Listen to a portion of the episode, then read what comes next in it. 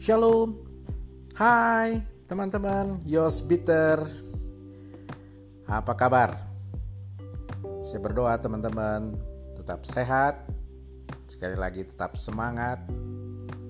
Janganlah kegembiraan kita harus berakhir hanya karena situasi di luar.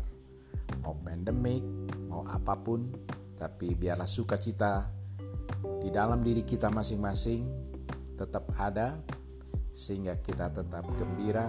Hati yang gembira adalah obat yang manjur. Nah, teman-teman Yosbiter yang dikasihi dan mengasihi Tuhan, hari ini saya mau uh, menceritakan sesuatu tulisan yang menurut saya unik, yaitu bedanya uang dan waktu. Di dalam kata-kata motivasi itu tertulis uang. Kita tahu persediaan uang kita untuk kita bisa hidup. Tapi kita nggak tahu kapan waktu berakhir di dalam kehidupan kita. Artinya kita bisa manage uang dengan baik untuk dapat memenuhi kebutuhan kita, tapi mungkin kita lupa untuk memanage waktu untuk kehidupan kita karena kita nggak tahu kapan Tuhan memanggil kita. Ini cukup menarik uang dan waktu ini karena dua-duanya bisa punya korelasi, bisa juga tidak. Kita membutuhkan waktu untuk kita mendapatkan uang. Tapi untuk mendapatkan uang ya tetap juga sih ada waktunya juga ya. Aduh jadi bingung saya. Tapi intinya saya tertarik dengan uang dan waktu ini. Saya teringat apa yang disampaikan oleh Rasul Paulus bahwa hidup adalah Kristus dan mati adalah keuntungan. Ini berkaitan dengan waktu kita, Artinya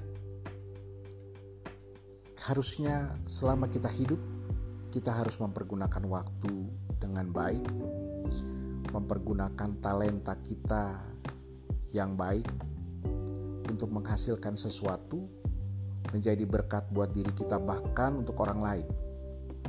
Sehingga pada saat kita dipanggil oleh Bapa di sorga, maka kematian adalah keuntungan. Tapi apabila kita tidak mempergunakan waktu dengan baik di masa-masa yang bisa kita nikmati saat sekarang ini, jangan sampai kita terlambat dan mati bukan keuntungan buat kita. Pergunakanlah uang yang ada pada kita untuk memenuhi kebutuhan kita, bahkan bisa membantu orang lain, dan pergunakanlah waktu yang tersisa di dalam kehidupan kita ini untuk melakukan hal-hal yang baik, bahkan menjadi berkat untuk orang lain. Tetap semangat, teman-teman!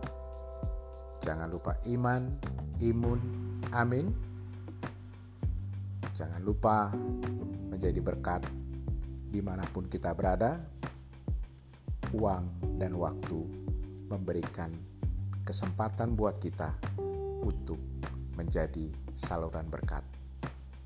Tuhan Yesus berkati. Sampai jumpa. Shalom.